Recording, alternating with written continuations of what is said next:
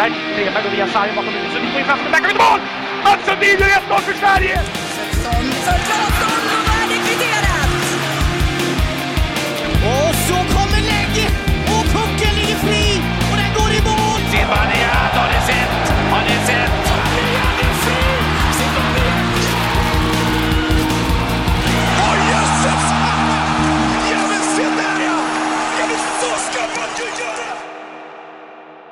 Och med den vignetten så säger vi välkomna till avsnitt 120 av podcasten Sarg ut. Där, eh, där vi som vanligt, Marcus, lite senare än alla andra poddar eh, väljer att summera säsongen 2022-2023.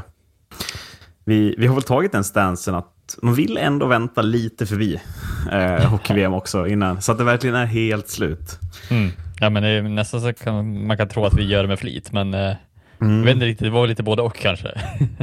Ja, men jag, vet, jag tänker att det, det, det blir också kul för alla att få en sista liksom, syn på säsongen. Eh, innan, medan alla andra... Det blir lite förhastat.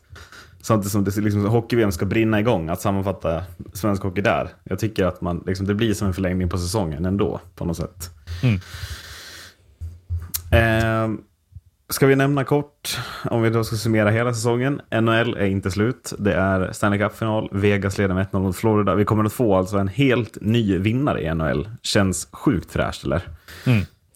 Ja, nej, men det är spännande och kul för båda lagen egentligen, alltså, Ja. och för hela, hela den ligan. Framförallt är det väl kul att det blir någonting som händer som aldrig Ja, men jag tänker förut. kul för nästan hela liksom, idrottsvärlden. Att en så stor profilerad liga får en ny mästare. Det händer ju så sällan numera i de största sporterna att Mm. något sånt händer, känner jag. Mm. Hockey-VM då. Eh, det vart inget avsnitt förra veckan. Vi var upptagna med eh, Elitloppet, var jag upptagen med framför allt. Eh, och du med något annat än Elitloppet, tänker jag. Ja, jag sörjde eh, svensk hockeys framtid höll jag på att säga. Ja, nej, men... lite så. Eh, William Nylander kom inte för att eh, Toronto stoppade honom i sista sekund. Det kom ju såklart måndagen efter att vi hade ägnat 30 minuter åt att diskutera hela jävla den situationen. Eh, jag tycker att vi bara kan summera med att det var kul för hockeyns framtid. Det som hände i Lettland, det som hände med Tyskland. Eh, det var inte så kul att Kanada vann. Jag tycker att ett sånt kanadensiskt landslag måste förlora VM, tyvärr, om vi ska känna någon, någon känsla att vi ska komma ikapp dem. Eh, men framförallt så lämnar vi väl med bara ett svenskt fiasko, igen, i ett hockey-VM. Eh, där vi alltså åker mot Lettland i en match där vi fan inte ens är bättre än Lettland, tyvärr. Liksom. Mm. Ja, alltså det, det går väl liksom att säga det enda som räddade det här hockey-VM lite grann, det var väl just att Lettland var bara Alltså så här, det var kul att de var bra, alltså och Tyskland var bra, men annars när man ska se till den svenska insatsen så är det väl ja, under all kritik skulle man säga. I alla fall uttågsmässigt, jag vill ju ändå sätta fingret på att jag tycker att det är viktigt att vi har att vi spelar så pass kontrollerat i gruppspelet ändå. Eh, Vi är inte bra mot Tyskland, den matchen vinner vi. Sen är det väldigt många bekväma segrar mot de här sämre motståndarna. Det som Garpenlöv hade problem med, som jag tyckte som gav mig absolut mest panik. Utan när vi gick in mot Ungern, Frankrike, Danmark, då kände man ändå ja, vi kommer liksom att vinna. Eh, och det tyckte jag var skönt. Eh, vi fick slå Finland, det var också jävligt gött tycker jag. Kul att finnarna Ja. floppar lite för en gångs skull. Ja, precis. Det känns som att alla floppade förutom Kanada nästan. Eh, ja, nej, men jag tycker framförallt när jag såg USA så tycker jag att det är en flopp för dem att inte gå till final. För de såg ju faktiskt riktigt bra ut mot Sverige. Eh, går ju in och, i slutspelet och slår ut Tjeckien enkelt.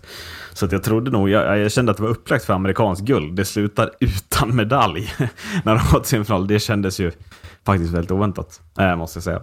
Mm. Ska vi säga så, eller hade, vad tänker du mer? Ja, alltså man ska väl, man ska väl framförallt bara rikta ett snabbt och stort eh, imponerande eh, tack till uppslutningen kan man väl säga runt hela alltså supporterskaran som var där eh, för det här hockey-VMet. Alltså, så imponerad har jag nog sällan varit från ett hockey-VM där framförallt de lettiska, schweiziska, tyska, alltså jag kanske glömmer någon, men Ja, det var väldigt, alltså väldigt bra drag på de här matcherna och det måste man väl ändå ta med sig från det här. ja, men alltså ska man lägga något slags bakgrundsljud på hela hockeyåret om man får för sig att summera det med alla ligor. Alltså det är ju svårt att inte lägga bakgrundsljudet, stämningen i Riga Arena, eh, kan jag känna. Alltså det som, vad var de hade? 150 trummor? Något. Nej men alltså det, den stämningen, den, den gav ju väl ändå mer smak för, för någonting, eh, tycker jag. Att, Mm. ja, men, otroligt kul för Lettland att gå så bra på hemmaplan i ett hockey eh, Och då kliver vi väl på sammanfattningen av SHL 2022-2023. Jag tänker att vi bara går lag för lag, eller? Eller har vi någon... Det är inte jätteförberett, det märker ni, kära lyssnare. Men Jo, men det är väl förberett. Vi, det är bara vilken ordning vi, uppifrån eller ner i vår tabell som vi ska gå. ja, precis. Ska vi gå våra tabeller, eller ska vi ta den riktiga tabellen? Eh, nej, men jag tycker vi tar den riktiga tabellen och Mm, sen så mm. säger vi vad vi har för, vad vi hade för tippning i början av året om man ska säga precis. så. precis. Eh, ja, Växjö vann SHLs grundserie. Växjö vann SM-guld. Eh, vi ska konstatera direkt, årets sämsta tippning. Den stod jag för när jag tippade Växjö 10. Du hade dem på en femte plats och som en utmanare i slutspelet. Ja, direkt. Det var väl ändå, du klarade dig väl undan med godkänt betyg på den här tippningen. Det gör inte jag. Eh, vad, vill du, vad vill du säga om Växjö? Vad är det du tar med dig? Vad är det, vad är det som gör att de står som mästare igen? Ja, alltså föreningen i sig tycker jag väl är eh, på en bra plats, känns som. Och det visar man väl här genom att bygga ett lag som är ett lag eh, genom hela, hela året. Framförallt, alltså från dag ett till att man vinner den sista matchen så är man ju en enhet som inte bara är liksom Alltså så här, man, man, har inte bara, man är inte bara bra på det ena eller andra utan man är liksom bra över hela banan. Och jag tycker att även hela, hela vägen från coach eh, till spelare är bara, de är bäst i Sverige i år och, tycker att de gör det längst, över längst tid och är absolut minst liksom, vad ska man säga, minst dåliga över tid kan man säga. nej, jag menar- Alltså, Och också minst, minst känsliga, upplever jag. Ehm, man, man har liksom det bästa kollektivet. Man är, man är inte så känslig för skador, för det finns alltid bra ersättare. Man är inte så känslig för om vissa spelare inte presterar eller har en dålig dag, utan det finns alltid någon som kan avgöra matcherna. Eh, om än det är Milarmi i kassen eller om det är eh, Jaden Hogwatch, eller vad han hette, från tredje line. Men det kändes som att det varenda kväll fanns en potentiell spelare som kunde avgöra matcherna för Växjö. Eh, så även genom hela slutspelet. Och jag tycker verkligen att det är det. Det är där jag landar. Att det var, det var väldigt svårt att stoppa Växjö. Du behövde stoppa fyra lines. Eh, och det klarar inte många lag i dagens hockey av. Inte ens på NHL-nivå liksom. Att ha fyra producerande lines på det sättet. Mm.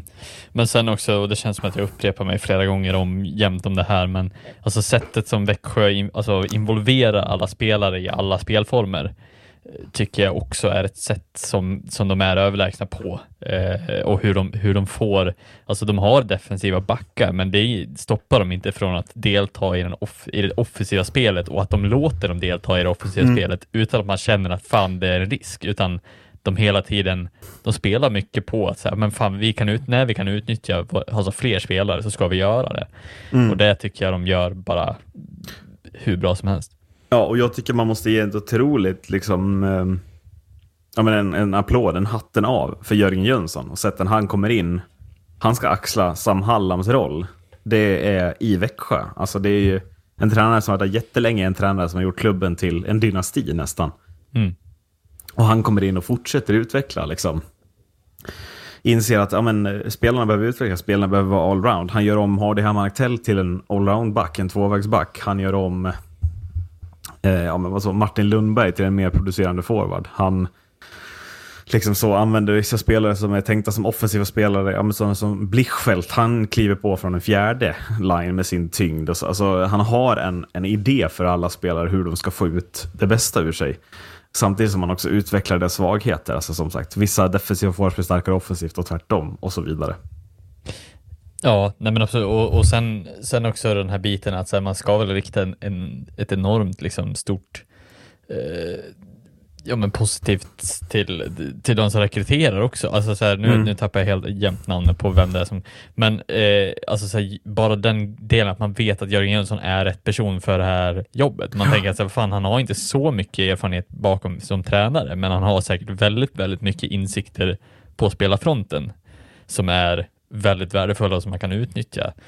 Eh, och allt ifrån att man rekryterar rätt spelare till rätt tränare hela den biten har man ju visat att man gör rätt från dag ett när man klev upp i SHL nästan också. Så att Ja. det är ju inte bara att Sam Hallam har varit den som har byggt den här dynastin, utan det är ju föreningen i sig som har byggt väldigt bra och väldigt rätt Ja, men det känns som att man i rekryteringsprocessen är väldigt tydlig. Alltså man är väldigt tydlig mot Jörgen Jönsson, bara vill ha ut vad man vill att han ska komma in, men man vill inte att han ska komma in och göra om en spelidé. Utan Jörgen, ska du komma hit, då måste du liksom fortsätta på det vi redan har byggt. Men så jag tycker också att spelarna verkar köpa sina roller. Jag menar Tobias Reider när han värvade som en spetsspelare med NHL-rutin. Jag tror inte att han tänkte att ah, men jag kommer utgå från andra kedjan i Växjö. Jag tror att han kanske tänkte att jag ska vara första line och stjärnan. Men att han har ändå, alltså man har, de har ju övertygat honom att, om att liksom, du är en del i, och alla köper det på ett sätt som jag inte upplever finns i alla andra lag. Eh, utan man köper sin roll på ett sätt som är helt, helt unikt, skulle jag säga. Verkligen. Kör vi bumper mellan varje lag? Nej, så kan Helst vi inte hålla på. Nej, precis. Det blir jobbigt att klippa. Vi tar väl en jävla topp 6 och sen eh, Skellefteå blir tvåa. Eh, jag prickar rätt. Jag tippar Skellefteå tvåa. Eh, här är väl din stora misslyckande. Vad, hade de? 10, Tio, 11? 10 du också. Ja, precis. Eh, så jag var lika fel på Växjö som du är på Skellefteå kan vi konstatera. Mm. Eh, varför blir Skellefteå tvåa då? Ja, jag tänkte när jag sa det att de hade rätt coach på plats som skulle bygga en maskin. Jag tycker att den här maskinen pepprar på jävligt bra i den här grundserien. Jag tycker att Skellefteå är väl de som visar upp den högsta, högsta nivån i grundserien. Jag blir lite förvånad att man faller så pass platt i slutspelet. Man går förvisso till final. Men jag tycker att det hade kunnat kännas mer övertygande. Både mot Rögle och Örebro på vägen fram också om jag ska vara ärlig. Jag vet inte. Det... Man tappar lite för viktiga komponenter. Den här maskinen där alla bidrar så som Växjö gör, den tappar man ju för mycket i slutspelet. Hävdar jag fortfarande att det är en femma plus Linus Söderström som måste stå för och enormt mycket produktion för Skellefteå i slutspelet. Medan spelare som Andreas Wingeli som gör 30 poäng och vinner plus minus-ligan är alldeles för osynlig eh, i slutspelet. Men i grundserien så, så visar man en, en fantastisk nivå på något sätt. Mm. Nej men också eh, anledningen till att jag tippade dem så långt bak, det var ju för att jag absolut inte trodde att Oskar Möller en säsong till skulle vara så bra som han är. Eh, och Lindström skulle också, så att det var på väg lite utför och var lite frågan till att okej, vad kommer de, alltså kommer de ha den bredden som behövs för att vara så bra som, som de har varit? Ehm, eller att det blir liksom lite den här åh, paniken i att shit, de är inte lika bra längre eller ja, vi får inte ut samma. Men eh, det var väl det som, som också de be- motbevisade mig att det finns fler spelare och Oskar Möller som, som är liksom så bra som de är. Men det som jag tyckte var det som föll absolut mest tror jag i, i finalserien, det var ju tycker jag backsidan, alltså, skilja, alltså skillnaden i backsidorna tycker jag absolut är fördel Växjö. Och alltså Pudas absolut är ju kanske Sveriges bästa back, men bakom det så tycker jag att Växjö har mycket, mycket tyngre uppsättning som blir ändå lite tunga på vågen också för att de, de visar verkligen hur bra de stänger ner Skellefteå. Eh, framförallt sista matchen också, alltså 3-0 i sista Nej, men precis. avgörande. Nej, Och där blir ju Skellefteås problem, upplever jag, att när den här maskinen inte producerar, alltså med så många producerande spelare, en som spelar som Arvid Lundberg, som också har en fantastisk plus minus, alltså så, är knappt inne på ett baklängesmål i grundserien. Han, en sån spelare faller ju väldigt platt när då Växjö stänger ner de producerande spelarna. Han kommer ju aldrig stå för någon produktion, utan han kommer ju fortsätta att spela 0-0 när han är inne liksom. Eller, alltså, Eh, och och det är det man märker också, att Växjö har ju fler som kan avgöra matcherna när det väl kommer till kritan. Eh, Och det tro, jag trodde Skellefteå verkligen skulle matcha upp med det, för man hade det genom hela grundserien, upplever jag, spelare som kunde avgöra matcher.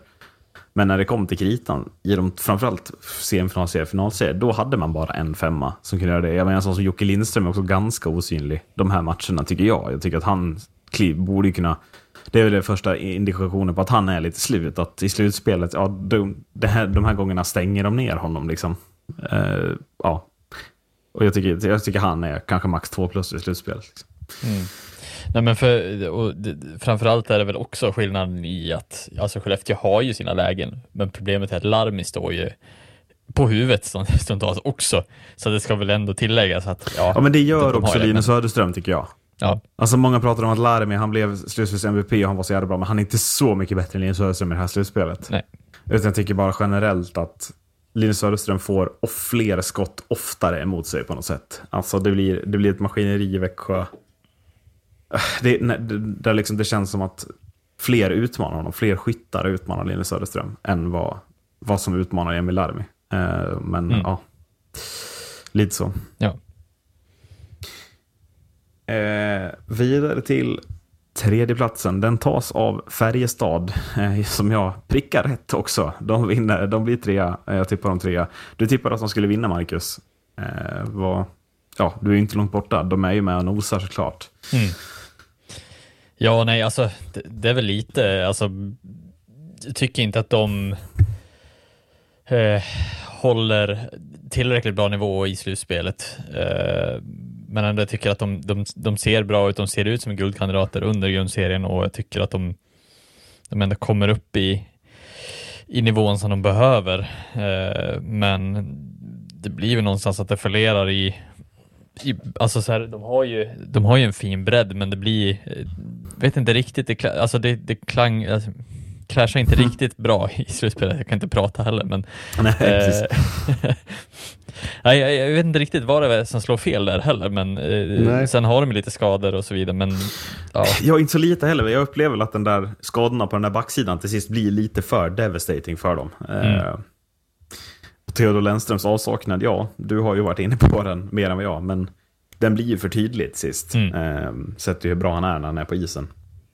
Eh, framförallt i slutspelet. Men jag får ändå lite känslan så här att när jag summerar Färjestads säsong var man, inte, var man inte bättre i år egentligen än vad man var när man vann guld? Kan man ens säga så? Men det är liksom, man är ju med genom hela grundserien, man är den bästa lagen. Eh, det blir liksom inget kaos under säsongen med sparkad tränare och man löser knappt, alltså någon sån knappt lösa slutspel. Sen fick man ju en jävla träff förra säsongens slutspel. Men jag upplever att Färjestad nästan måste vara då ska de vara lika nöjda med årets säsong, även fast det tog slut i kvartsfinal, över sju matcher mot Frölunda, som man ska vara över, över säsongen man vann guld. För jag tycker att man, har hit, man hittar mer rätt som klubb, tror jag, bortsett från de här skadorna, om man är med topp två, topp tre. När, när slutspelet ska börja, så man får den här hemmaplansfördelen. Det är svårt att åka till Löfbergs arena liksom. Mm. ja, nej precis, och jag håller med, alltså, håller väl med där också, att det känns lite som att det nästan är Alltså det var högre konkurrens om det i år på något vis än när Färjestad vann senast och säger man vad- man vill om det men, men jag tror att det är så enkelt. Alltså Färjestad hade alla ingredienser för att vinna och sen hade de inte bara sista, sista vägen. Nej, Inte precis. heller. De saknar li, li, liksom flytet lite också. De Mm. har väl... De har ju läget mot Frölunda exempelvis. Det, här, Ja. det kan ju lika gärna bli 4-3 Färjestad, eh, känner jag. Sen tar det nog stopp mot Växjö oavsett, men, men eh, Färjestad hade väl då kunnat få möta Skellefteå istället. Eh, hade det blivit exempelvis. Så Ja, precis. Eh, ja. Eh, men, men om man tittar alltså så här, Färjestad då. Eh, till nästa säsong. De är ju väldigt aktiva på marknaden. Känner man att man, man hade något bra på gång tror du och verkligen bygger för, för kvalitet här eller hur? Hur tänker man? Jag tror att det är lite, alltså man, man har tittat lite längre, alltså man har ju dels varit på en hel del, hel drös spelare som man inte får nu i och med att Modos evenemang eh, blev av. Så, alltså jag tror lite att man försöker bygga också det nya bakom på något vis, om jag får gissa. Precis, att det börjar bli lite så eh, generationsskifte. Mm. Även fast alla spelare, de är ju inte lastgamla vissa av dem. Men det är, Mm. de är ju över 30 många. Ja, precis. Både lite så, men också man chansar lite på att få ut, kunna utveckla spelare som ändå har en höjd redan, inte så att de bara är liksom så här, men, men just rekryteringen av, vil- vilka är det, Carl Lindbom och så är det väl eh, Ögren va, också. Eh, Ja, Joel Kjellman. Kjellman, vidare. ja. Mm. Så att, ja, nej, det känns ju lite som att man försöker också stärka upp underifrån. Samtidigt Exakt. så är det ju lite, ja, lite chansartat också att få hoppas på en NHL-utlåning då från Eh, Mm. På Carl Lindbom framförallt kanske. Eh, så jag vet inte riktigt vad man, alltså, så här, vad man förväntar sig av hur länge Nej. de där ska vara kvar. Men Men är inte känslan att de känner att de är på rätt väg? Efter några, alltså så, det blev misslyckat med Penneborn, men det blev guld och det skuggade över mycket den säsongen. Medan Mm. nu den här säsongen, man känner att man är på rätt väg. Det tar stopp lite för tidigt, men att man kände att det vi höll på att bygga, det var rätt. Nu fortsätter vi så. Och sen går vi för guldet igen 2023-2024 då. mm. ja, så Ja, kan det vara. nej, det blir intressant att se Färjestad. Mm. Örebro då? Blev fyra. Sin bästa placering någonsin i grundserien. Eh, ja, semifinal har man varit i förut, men man går dit igen. Ja, verkligen. Och vi, ja, hur långt bort var vi? Åtta hade jag Örebro på. Ja, vad hade jag dem på? Just det. Nia. Nia. Ja, det var inte heller jättebra tippat. Det var inte. Nej. Eh, ska jag, försvara, alltså jag försvarade mig ändå med att Örebro, jag tyckte ju att det bygget som de ställde på isen, jag tänkte att det saknade lite spets och lite bredd. Eh, och att det kanske liksom så, framförallt tyckte jag att det var några andra lag som såg betydligt bättre ut, som sen floppade, ska vi komma till. eh, men jag måste säga att jag tycker att Örebros säsong känns lite som början på någon form av dynasti också, eh, om jag ska vara ärlig. Eh, jag tycker att man får utveckling likt Växjö på massvis med spelare som kliver upp då i mer poäng, de är bättre i defensiven.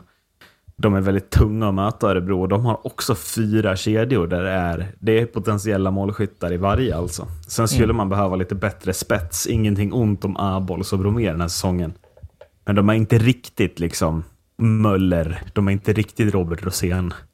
Utan det är en nivå under, kan jag känna. Men att jag tycker att Örebro påbörjade, vad jag tror, med kommande konstellationen Niklas Eriksson som sportchef och Johan Hedberg som coach. Ja, jag blir inte förvånad om vi ser dem där uppe igen nästa säsong. Det blir jag verkligen inte. Mm. Nej, alltså, och, och mycket stavas väl också tycker jag, eh, alltså ledningen i Niklas Eriksson där också, att det känns Mm. lite som att han får, alltså han får ut mycket mer än vad man förväntar sig av vissa spelare. Och, alltså Leo Karlsson är väl en, en ett typexempel på, det, på vad det är. Linus, Linus Öberg är en annan. Ja, precis. Och sen ska jag väl också nämna våran favorit från Hockeyallsvenskan för något år sedan, eh, Hardegård, som faktiskt också ändå kommer där underifrån och kanske Mm. kommer att växa till en ännu, ännu större back nästa säsong, som kommer lite underifrån och är lite så här, ja, han, han, han går lite under radarn och är bara en sån där bra, alltså man, jag vet inte hur man ska beskri- beskriva det, men en sån back som bara kommer att bli bättre och bättre med, med tiden tror jag. Mm. Eh, Nej, men, så jag, jag jag tycker att om, vi pratade om, om jag pratade om att Växjö utvecklade liksom Hardem Martell från defensiv back till lite mer offensiva hot också, lite mer allround. Jag tycker att Örebro är samma sak med Hardegård, samma sak med även Rissanen, som inte kliver upp. De är lite mer hotande. Mm. Att det finns ett hot också när de väl kommer i offensiv zon, så att det inte bara är försvara och sen när man kommer i offensiv zon ta skott från blå oavsett läge. Liksom, utan det finns en idé i mycket. Eh, och jag tror att Örebro behöver det. De behöver jobba vidare på samma sätt som Växjö jobbar. Jag upplever att det finns många likheter. Eh, och det kan ju bara landa i succé. Sen gäller det ju att fortsätta värva spelare, fortsätta värva spets som, som man vet att man kan göra det här utvecklingsarbetet med. Mm. Vilket förtroende får Johan Hedberg tror du? Får han tid på sig? Eller börjar det Jag tror- internt, vill man ha nu? Vill man ha medalj? Vill man ha final? Kommer kraven vara högre med Johan Hedberg in? Eller vad kommer, vad kommer att ske Örebro? Alltså jag, jag, om, jag, om jag får gissa mig till någonting så tror jag i och med att alltså, Eriksson är ändå kvar på posten som, som eh, GM eller ja, sportchef. sportchef. Eh, men, och jag tror väl ändå att där har man mycket att, att hämta i form av att han kan vara mentor också. Samtidigt som han fortfarande, han är fortfarande kvar i klubben. Liksom. Han är fortfarande där, han kommer att hänga, han kommer att ha nära samtal med Johan Hedberg Ja, givetvis. ganska mycket. Så jag tror ändå att där någonstans har man någonting på spåren i att Johan Hedberg är en ny spännande konstellation som, alltså så här, som ändå visat sig ha en ganska hög höjd som tränare. Har, har plockat fram Mora ga- ganska mycket från ingenstans. Alltså så här, med, med Framförallt ganska dåligt- utvecklat spelare. Alltså han Ja. har ju utvecklat spelare i Mora, det kommer vi till jättemycket senare i avsnittet. Mm. Men alltså gode gud vad han har utvecklat spelare. Jag menar, tänk, tänk vilken utvecklingspotential det finns på vissa gubbar i Örebro. Mm. Ja. Ja, jag, jag säger bara, alltså, se upp. Se upp SHL. Här Mm. kommer Örebro. Eh, Ja, och där tror jag faktiskt att de har, även om det, vi vart lite förvånade över att han skulle gå upp som sportchef istället, nu när han ändå känns som att han har rocket eh, skjuter sig själv uppåt. Liksom. Men nu tror jag ändå att så här, ja, de har någonting tungt på gång och jag, ja, det skulle inte förvåna mig om Örebro ser ännu bättre ut nästa säsong faktiskt. Nej, men precis. Men, men om vi återgår, tror du att Hedberg får tid? Säg att det börjar med, man ligger 12 efter 20 omgångar. Det ser inte så bra ut. Kommer man ge Johan Hedberg tid? Eller kommer, man då, kommer det bli en sån här, nej men nu sparkar vi. Nu måste du se bättre ut. Kommer, man, kommer Örebro ta en sån lösning? Nej, Växjö har ju varit väldigt trygga i att även när Växjö kom tia så fick Sam Halland vara kvar. Eh, ba- Nej, jag tycker att Örebro ska satsa på samma sak här. Ge Ja. nu Johan Hedberg tid tills han träffar. För när han träffar så finns det en ny höjd som den här föreningen aldrig har nått, tror jag. Ja, nej men absolut. Jag, jag håller med där också. Det känns som en trygghet, alltså de har sin trygghet redan. Och det känns lite som att så här, ja, det kan ju, alltså, här, om det skulle vara så att det går lite sämre än förväntat, ja då har man ändå gjort liksom, det skiftet, det bytet, man får liksom, men eh, ja, jag tror man måste ha tålamod med den här typen av värvning, för att man vet att Johan Hedberg är en ganska ny tränare, även om han har gjort bra saker i Mora, så är det här liksom en ny, eh, nytt lag, han måste få jobba in sina idéer, han måste få jobba liksom, så att, ja, jag vet inte, alltså det, det känns ju som att ja, det är klart att man har höga förväntningar, men man kommer ändå, tror jag, ha lite mer tålamod än om man hade plockat in typ Penneborn eller något sånt där. Ja, ja Eh, exakt. så att, ja, det är vad jag tror i alla fall. Eh, vi lämnar eh, fjärdeplatsen och Örebro. Eh, vi går till femteplatsen där vi till sist hittar Timrå. Eh, som vi tippade 11 tippade jag dem, 9 tippade du dem. Det var inte många experter som hade Timrå högre än plats 8, 7, 8. Verkligen inte. Framförallt hade ingen av dem, ingen hade dem på femte plats kan jag säga. Eh, hur, hur bra är det här då? Nej men det är alltså, jag vet inte, samtidigt är man ju inte förvånad heller på något vis, men, men ja, det är klart man är förvånad ändå. Det är ju lite så här, eh, det kändes inte som att de hade den, den typen av höjd, men när man ändå så här i, i efterhand ser vilka, alltså så här, det är ju de spelarna som skulle leverera har levererat. Ja, nej, men framförallt är det när man ser vilka lag som floppar är det kanske inte så förvånande. Vi kommer ju ändå till några lag här nu om en stund där, där vi kan konstatera att jag och du tippade dem betydligt högre än vad de kom. Och det är väl någonstans det som blir nyckeln för Timrå. De är precis så bra som de tänkte och det räckte till en femte plats istället för en nionde plats som vi tänkte att det skulle göra. Liksom, på något sätt. Nej, men sen är det väl framför allt att Alltså så här, inte bara att Dahlén och Pettersson är så bra som man förväntar sig av dem, så är väl också Anton Lander mycket, mycket bättre än vad jag hade trott att han skulle vara. Mm. Jag i- tycker man träffar backsidan här. jävligt bra också. Alltså, Ja. Vi kritiserar dem när de skickade Ledja, men det man fick in där bakom, eh, det kändes som att man hade en jävligt bra plan där som jag väldigt, verkligen vill ge dem alltså, så, eh, en, en applåd för att gud vad bra löst det blev där. Man fick Mm. bort en lönepost, man hittade två bra backar bakom som verkligen höll upp backsidan också. För det var väl backsidan vi var mer oroliga för. Att Mm. forward skulle göra poäng, ja, det visste vi väl någonstans. liksom. Ja, och någonstans måste man väl ändå, att vi får väl backa där när det kommer till att vi kritiserade Joel LaLeggias eh, Ja, utgång ganska rejält här på Mm. så att, Ja, det var väl någonstans en, en väldigt bra bakgrundslösning där som Eh, Men om du får den här frågan då. Hur tar Timrå nästa steg? Eh, ja, det är ju en bra fråga. Alltså de, de har väl ändå släppt... Är det inte också lite en problem, ett problem för Timrå? Dit vill jag komma, men svara först hur du tänker. Ja, nej, nej men alltså man får väl inte utfall. Alltså, så här, någonstans så var väl också så här, den tilltänkta spetsvärvningen som var den här chansningen var väl ändå Nick Halloran. Alltså, det, det, man fick inte riktigt ut det man ville av de typerna av värvningar. Sen, ja, LaReggia var ju också spetsvärvning som de ändå fick ut det de ville av, men de behövde mer pengar. ja, Alltså, nej, men det, jag tycker egentligen bara att det är Halloran de inte får utveckling på. Förstår du Mm. vad jag menar? ja. Eh, Och kanske är det den positionen i truppbygget, alltså forward i andra kedjan bredvid Vedin och eh, Robin Hansel. Kanske är det där som utväxlingen finns. Mm. Men annars känner jag lite att Timrå har nått sin höjd. Jag tror inte de når högre än det här så som deras trupp är byggd i nuläget, utan då är de första två kedjorna ganska satta. Första backpar, andra backpar är ganska satt. Man har en målvakt på plats. Det blir svårt att krydda det på något Mm. sätt. det är lättare för Växjö Skellefteå att krydda sitt lag än vad det är för Timrå i nuläget. För den hierarkin som Timrå har byggt med de här värvningarna känns väldigt, väldigt svårrubbad. Och vill Timrå då ta nästa steg, mm, det vet jag inte riktigt hur de ska göra. Utan jag tror de får sikta in sig på liksom satsa på att bli topp 6 igen, typ. Och sen kanske superspetsa inför... Alltså, de måste gå en lite annan väg än många lag inför säsongen och kanske ta det lite lugnt och sen spetsa under, under, ja, under årets gång eller något om de vill komma högre. Men annars så ser de lite vara ungefär lika bra och så kan det räcka. Det kan bli åtta i år men det kan också bli fyra typ. Jag vet. Mm.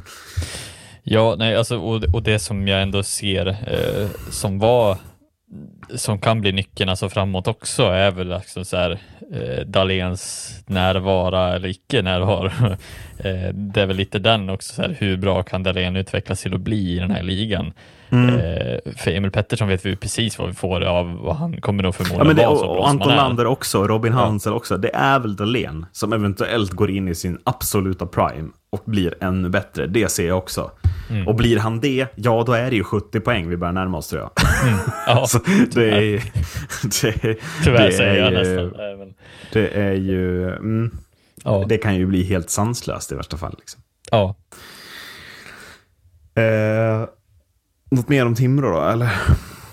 Är är det rätt att fortsätta med Ante Karlsson? Eller? Ja, nej men det tycker jag väl. Alltså efter den här säsongen eh, så tycker jag väl ändå att det är så här. Han har ju fått ut precis det han ville få ut av de spelarna. Eh, jag tycker att de lirade, alltså de lirade bra eh, under säsongen. Och sen framför allt också med, eh, om, om vi ska snacka utveckling av spelare också, alltså Tim Juel. Eh, hur, hur han har utvecklats till att bli kanske en av topp fem bästa, spe- alltså bästa målisar i ligan också. Mm, ja, men det är ju en intressant värvning. ja. Alltså bara där tycker jag man ser ganska stora ljuspunkter också i att man kan lita på, på att göra sådana värvningar och, och verkligen ge dem fullt förtroende. Ehm, så där, ja, men jag, jag tycker att det, han, han ska vara kvar och han har gjort ett väldigt bra, bra jobb och få spelare att prestera ännu, ännu mer. Ja, men det krävs ju också att du är en bra coach i omklädningsrummet för att Lander, Pettersson, Dahlén och de här, de ska känna också tagget. De ska känna motivationen. Där har du ju en viktig roll som tränare, att du vet att du måste få de här spelarna att vara glada, att vara positiva. För det är ju då, det är de som får igång hela laget. Det är också de som behöver prestera för att det ska bli resultat på något sätt. Eh, ja, sista lag in i direktplats i slutspelet, det var Frölunda. Det var de jag trodde skulle vinna ligan. Du hade dem som, vadå? Fyra? Ja. Ja. Eh, du var närmare än vad jag var, kan man konstatera med några placeringar. Eh, jag måste ju säga, jag börjar väl här, jag tycker ju att över, överlag så gör ju Frölunda en för svag grundserie, tycker jag. Eh, jag, det, jag tycker att det första i slutspelet som de visar på det spelet som jag trodde att de hade i sig och som jag trodde de skulle prestera över hela säsongen. Och där utmanar man ju Växjö på ett bra sätt. Men jag, jag, överlag är jag, är jag besviken på det jag, trodde, det från jag trodde vi skulle få se, fick vi inte se tycker jag. Jag tyckte de hade en bättre trupp än att bli sexa, om jag ska vara ärlig. Ja, nej jag håller med. Alltså det, det kändes verkligen som att Frölunda hade så mycket att, att vinna i år. Eh, och anledningen till att vinna i år också. Alltså det, de får tillbaks liksom. Dels har de ju Lundqvist som gör sin sista säsong. Han annonserar också typ i jul. Ganska taktiskt. Eh, men sen också när man har Lash och man har liksom man har en grund i hela Frölunda som också känns väldigt stabil eh, som har varit spelare som ändå varit där bra länge. Alltså Friberg, man vet precis vad man får ut av honom. Alltså, Ja, och man kryddar ju den är- grunden med, vadå, Lasse Johansson, Christian Folin, eh, Anthony Greco, Jerry Innala, som ju inte alls är så bra som de ska vara, tycker jag. Att Nej. de ska väl vara mycket bättre än, än där de landar poängmässigt i ett Frölunda som är Frölunda bra, så bra som vi har sett dem de senaste åren. Liksom. Ja. Nej, så att eh, jag vet inte vad det var som, som, som inte lirade där riktigt, men samtidigt så är det väl Alltså om- man tittar på grundserien så, så känns det ju verkligen som att de, de hade ju potential till att nå, nå mycket högre än så här, eh, känner jag i alla fall. Så att, eh, nej, så väldigt besviken över vad, vad utfallet var. Eh, sen Mm. fick vi ju se en av de kanske roligaste slutspelsserier mellan dem och Färjestad givetvis.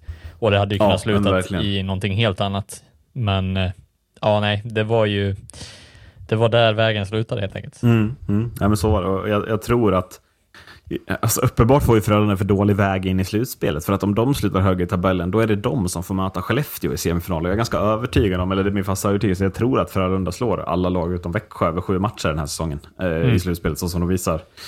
Ehm, och det, då blir det en ännu större liksom så, överkorsad geting till grundserieinsatsen, att man nästan inte ens kommer till direkt slutspel och håller på att bli play-in-lag till och med. Ja. Ehm, och då, jag menar, ja, men att komma in som sexa, ja, det ska ju till ett Färjestad anno förra året. Alltså så att man träffar alla spetsspelare från ingenstans plötsligt för att kunna vinna. Du måste ju sluta högre i tabellen om du ska vinna. Är min övertygelse så som det ser ut i nuläget. Mm. ja, man ger sig inte riktigt själva chansen heller. Att, Nej, uppenbarligen för att Växjö blir för tufft när du inte får hemmaplansfördel mot dem, exempelvis. Och så det, där de var liksom i det stadiet kände jag att det skulle nog lite för mycket till för Frölunda att vinna den. Ja, man tar två matcher, man har 2-2. Det är starkt nog. Men det hade kunnat varit bättre. Man hade kunnat varit i final mot Växjö, tror jag, om man hade gjort en bättre grundserie. ja. Eh, Men den stora summeringen för den här säsongen tänker jag blir ju att det här var ju det sista vi såg av dynastin som har varit Ryan Lash och Joel Lundqvist som bästa poängplockare och som MVP, kapten och första center. Eh, hur går Frölunda in i nästa säsong utan de två spelarna som ens pusselbitar, som ens röster i omklädningsrummet? Eh, kan det bli flopp eller ja. är det nyttigt? Alltså jag, jag, jag skulle ändå, som, som eh, liksom helt neutral i den frågan, så skulle jag väl ändå se att, att Frölunda börjar eh, tänka om lite strukturmässigt i och med att man har byggt så mycket kring att Joel Lundqvist ska vara en så stor del av, av bygget och den här eh, rutinen och jag tror att det skulle, alltså det, framöver, även om det kanske inte gynnas direkt nästa säsong, så tror jag över tid att det kommer att vara väldigt nyttigt för Frölunda att börja tänka i de banorna mer och mer. Sen tycker Ja, men det ändå- blir de ju tvingade att göra nu. Ja. Det var ju lite det jag vill. Alltså, hur går det för Roger Rönnberg att gå in i ett omklädningsrum utan någon av de här spelarna för första gången på hur många år? Ja, jag vet inte, men det är inte få. Nej, precis. Som, Men sen tycker Utan- jag de ändå har varit väldigt duktiga på, alltså Frölunda är väl en av de alltså, starkaste junior eh, Ja, ja, tillväxtklubbarna absolut. också. Så att, eh, jag tycker att de har varit väldigt alltså, konsekventa med att, att bolla in juniorer, bolla in unga Mm. spelare in i men, bygget men också. vem, om jag, säga- jag sa ju det här om Karlskoga inför säsongen. Att så här, ja, nu lämnar Dagen Eriksson, nu lämnar de här gubbarna. Vem är det som tar de här typ unga spelarna i handen när de kommer in i omklädningsrummet nu då? Joel är inte där och kan göra det. Nej. Någon måste ta på sig att fylla Joel Lundqvists skor. Eller om det är två spelare som ihop måste göra det. Men det är fortfarande någon som måste göra det. Eh, och det ska bli jävligt intressant. Det ska bli svårt för Roger Rönnberg att, att ha någon annan i handen tror jag än, än Joel Lundqvist. Som har varit så viktig för honom och Roger för Joel. Att det här blir nästan Frölundas viktigaste fråga till nästa säsong. Vem är det som ska ta över den taktpinnen? Ja. Supervärningen heter Henrik Tömmernes. Är han beredd att göra det? Kanske. Till play-in, Marcus. Eh, där sjunde platsen gick till Oskarshamn, som vi båda tippade i botten. Jag trodde de skulle spela kval, till och med. Eh, men de övervisar oss igen, väl? Så, eh, eller vad, ja. Igen gör de det. Ja, när ska de sluta överbevisa? Det är väl en, Mm. en relevant fråga nästan. Och hur mycket måste de bevisa sig för att man ska tippa dem på ett annat plats än plats 12 eller 13 då? Det, Ja. det här var väl kanske det.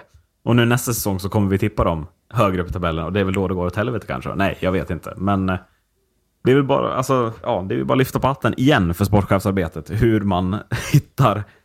Ja, jag, jag kan fortfarande inte släppa att de måste hitta en ännu bättre spelare än vad Fredrik Olofsson var.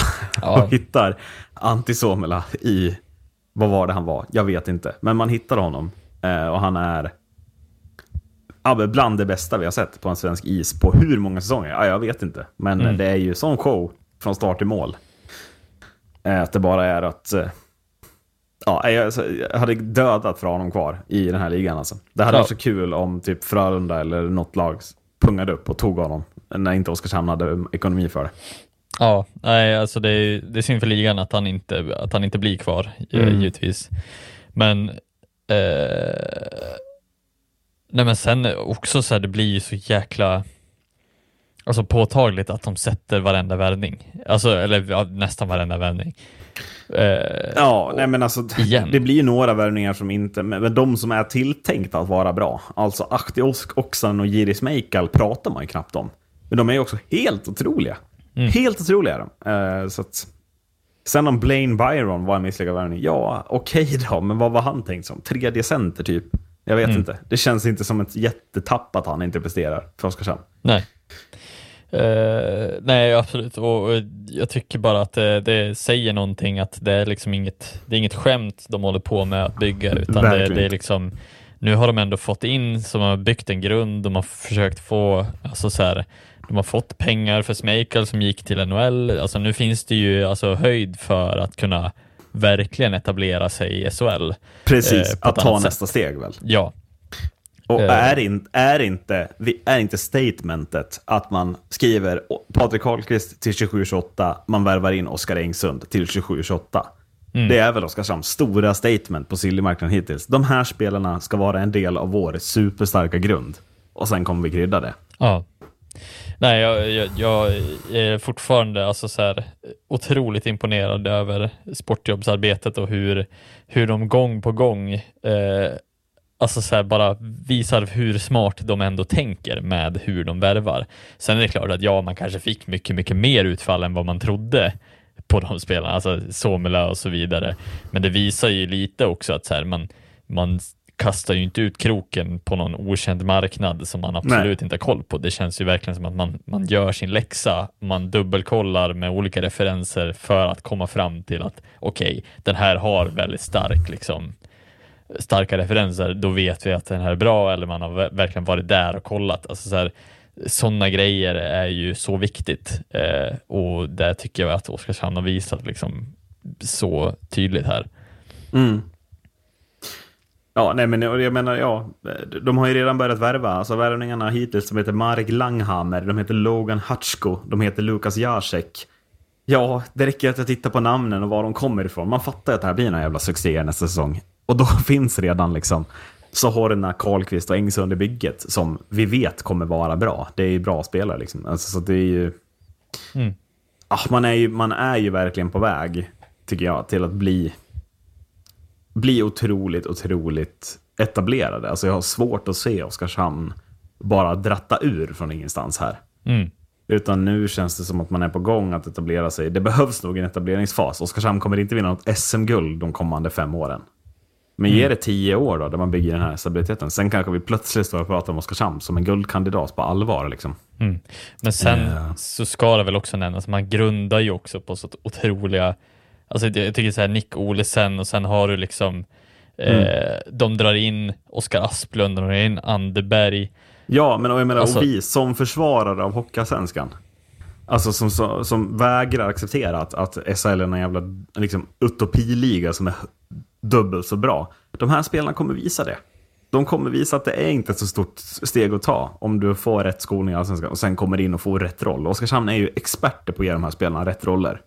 Nick Olsson kommer inte spela en fjärde line eller tredje line som håller på med Brynäs. Han ska ju rakt in på topp två kedjor här. Mm. Och det kommer bara vara bra för Nick Olsson. Han ska vara producerande spelare liksom. Ja, absolut. Och det, det är ju där som jag tycker också att man gör så jäkla mycket rätt i att, att, att grunda på det här sättet. Inte bara så här, okej nu ska vi bara ta in toppspelarna från någon okänd liga som ingen annan koll på.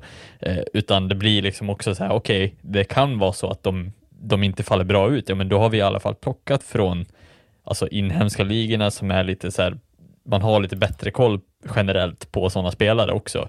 Bättre folk som man kan snacka med, som kan liksom, och man kan åka dit och kolla på dem och se bara, passar det här in, passar det inte in? Men Eh. Och där tycker jag att de gör så otroligt smarta val och det är därför också som jag tror att de kommer att fortsätta en säsong och vara imponerande bra. Precis, och det är ju sådana val man måste göra, för man kan inte förlita sig på att man för tredje år i rad prickar första centern så som man har prickat med Fredrik Olsson och Antti Suomela.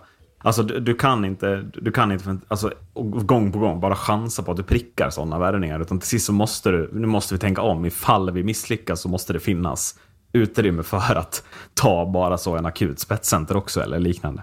Och det tycker jag man gör, man gör det väldigt bra här. Ja, Eh, plats åtta i ligan, vårt kära Leksand. eh, jag, kan jag få höra ditt betyg på Leksand? Alltså, vad sätter du för betyg på Leksand? Har vi en betygsskala på... 1 till 5 såklart. Ingen jävla 1 till 10, det värsta jag vet. Nej men det är väl en, en, en ja, vad ska man säga, en tvåa. Alltså jag tycker det känns som att man förväntade så mycket, mycket mer av den truppen och hemvändare och allt, alltihopa. Nej, för jag landar i samma. Jag tycker att det är max godkänt. Sen tittar jag på min egna tippning. Ja, jag har tippat Leksand 8. Jag har prickat dem på exakt rätt position. Va- va- varför, varför känner jag inte att det är ett bättre betyg om de är på exakt den positionen jag trodde att de skulle sluta på? det är det jag inte fattar. Nej. Vad är, det som är liksom, vad är det som gör att jag inte tycker att Leksand förtjänar mer än godkänt när de slutar på den positionen jag tycker att de borde ha slutat på? ja, nej jag vet inte. Alltså det, någonstans så, så var vi väl båda inne på att det kändes lite som att det här det här, nu, nu börjar det ändå bubbla i att det måste hända någonting, alltså det måste få ett utfall på, på det bygget som de har gjort och eh, att de, de ja, men mycket med rätt spelare, de placerar på, alltså värvningarna sitter ganska bra generellt på pappret, men det känns inte som att de får utfall på det, för det på isen. Nej. Och det var väl någonstans där som man, som man ändå kände att fan, man trodde ändå att det skulle vara mycket, mycket bättre än vad de var. Du hade dem ju sexa, du hade dem högre än mig. Mm. Eh, så att ja, det kanske man kände, men jag kände väl kanske att det fanns andra lag som var bättre på pappret också. Jag vet inte. Ja, Men, nej, men vad är Leksands problem då? De får ju ändå, alltså spelare producerar, de vinner matcher. Vad, vad är det man känner som inte är... Jag, jag har försökt, jag, jag tror jag landar i att det inte känns, för mig känns det inte som att de får ihop gruppen riktigt. Mm. Det känns lite för mycket liksom, ah, det är lite för mycket liksom så snack med bråk på träning och, och missnöjda spelare och, och sånt där. Som Ja. kanske har stört liksom, som gör att man ger dem lite sämre betyg än vad man har tänkt. Men det känns ju som att Björn Hellkvist sitter ju på den svåraste tränarposten för nästa säsong. ja. Att han måste, han måste ju få ihop gruppen. För att nu tål ju inte Leksands styrelse, tål ju inte en nionde plats till. Nu ska, nu ska ju Leksand upp på direktplats i slutspel, annars är det bara att byta tränare, det tror jag att de kommer tänka. Ja, eh, och jag tror ju ändå någonstans att, att Leksands problem, det var ju det som vi, vi kanske nämnde långt, långt innan, att det är lite av ett hierarkiproblem. Det, var lite, det var lite halvgrinigt, det var lite så här, och det kändes inte som att, att Hellqvist var den personen som var rätt för att reda ut det heller och han kunde inte heller göra någonting vettigt av, av det på isen i konstellationerna som han skapade.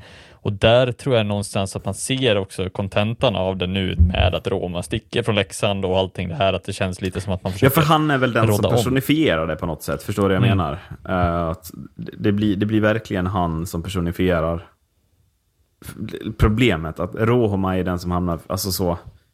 De får ju inte till det med, med han och Rivik. Rivik kliver ut på en kant, Rohoma kliver ut på någon kant. Rohoma blir ner till tredje kedjan för att han lackar på träning. Eh, Rivik ska ta första, ja, jag vet inte, det känns som att man överlag har lite för dåliga ytterforwards kanske. Och att det därför känns aningen livsfarligt att de har värvat både Cehlárik och Veronneau nu då. Ja, precis.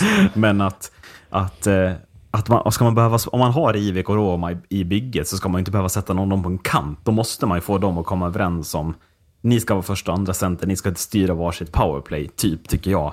Och att de måste kunna köpa den rollen. Men Rohoma har, har ju verkligen inte köpt det. Nej. Utan inte gillat det vad han har fått av, av Hellkvist, tror jag. Ja, men också med all rätt väl. Alltså, lite så här att jag ändå hört väldigt mycket av att Roma var väldigt omtyckt i Leksand också. Verkligen. Som spelare. Men då blir det ju också en krock att de kan, alltså då blir det lite det här, du vet den här lockande att säga okej, Rivik, Rivik är på väg tillbaks. Och sen blir Jo. det så här, alltså, så här ja, Verkligen. då är den här, okej, men ska vi, ska vi låta Jag kan gå bara känna lite att någonstans har det ju brustit också. Antingen är Roma inte smart nog, men när han ser och hör att Rivik är på väg tillbaks, han tittar, det räcker att titta tillbaks på det som Rivik gjorde i Leksand och tog Leksand från en position till en annan. Så måste ju också Roma fatta att jo men nu kommer jag nog bli andra center. Det blir nog svårt att peta ner Rivik bakom mig, sett till vad han har gjort för den här klubben. Och då blir det lite, dels har någon kanske har Johansson och Hellkvist pratat för lite med Rohoma, men också Rohoma har ju inte varit tillräckligt intag, alltså öppen för att ta in det faktumet, upplever jag. Det har skurit sig där. Och det känns som att det är båda parters fel på ett sätt som känns så onödigt för Leksand i det här läget när de var på sån uppgång, upplever jag. Om jag får vara helt ärlig så tror jag att det är väldigt få hockeyspelare som besitter det mindsetet, skulle jag nog gissa på. Att Ja, man samtidigt bara finns så många bra exempel på det också med Växjö, Ja, Skellefteå. ja, som de absolut. det känns, alltså, så, jag tror ändå att, att många nu, det kan, kanske lite förlegad bild också att hockeyspelare är lite osmarta. Jag tror att man, nu finns det liksom många som de har det så tydligt för sig, agenterna pratar med dem bra. Det är bättre än liksom i rekryteringsfasen, så när man rekryterar dem så pratar man med dem att det här är vår bild av vad vi vill av dig. Vill du komma till oss med den? Ja, jag vet inte, men det känns som att Rohm har blivit lovad någonting som han inte får. Och det är där det börjar skära sig, sen blir det lite skador, ytterforwards är lite för dåliga, eh, det saknas produktion, Rivi kommer ju tillbaka och inte alls bra. Det blir lite för mycket problem som till slut, så ja då blir det åtta. Och sen blir det ju ett traumatiskt uttåg mot Rögle, där, man, där Leksand såklart är det laget som för första gången tappar ett, en 1-0-ledning till 2-1 i ett play-in. Det, må, det är klart det ska vara Leksand som gör det. Eh, alltså, och det är inte bara för att jag ogillar Leksand jag säger det. Men det känns så typiskt Leksand att bli historiska på ett sånt sätt. Det känns som deras liksom, roll i svensk ishockey. Att hela tiden göra sådana grejer. Tyvärr, eh, kan jag känna. Men också så Leksands tydliga eh, bild av att inte trivas som, som ett favoritskap, i ett favoritskap heller. Nej.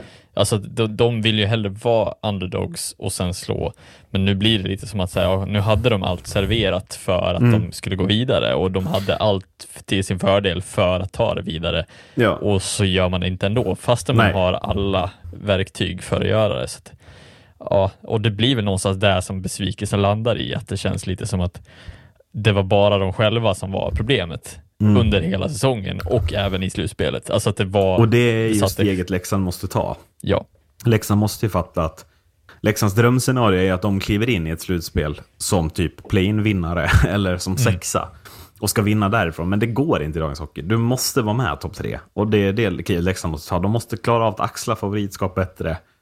De måste rensa ut det som finns i väggarna i TG Arena. Där det finns lite av en loser-mentalitet så länge man inte är underdog.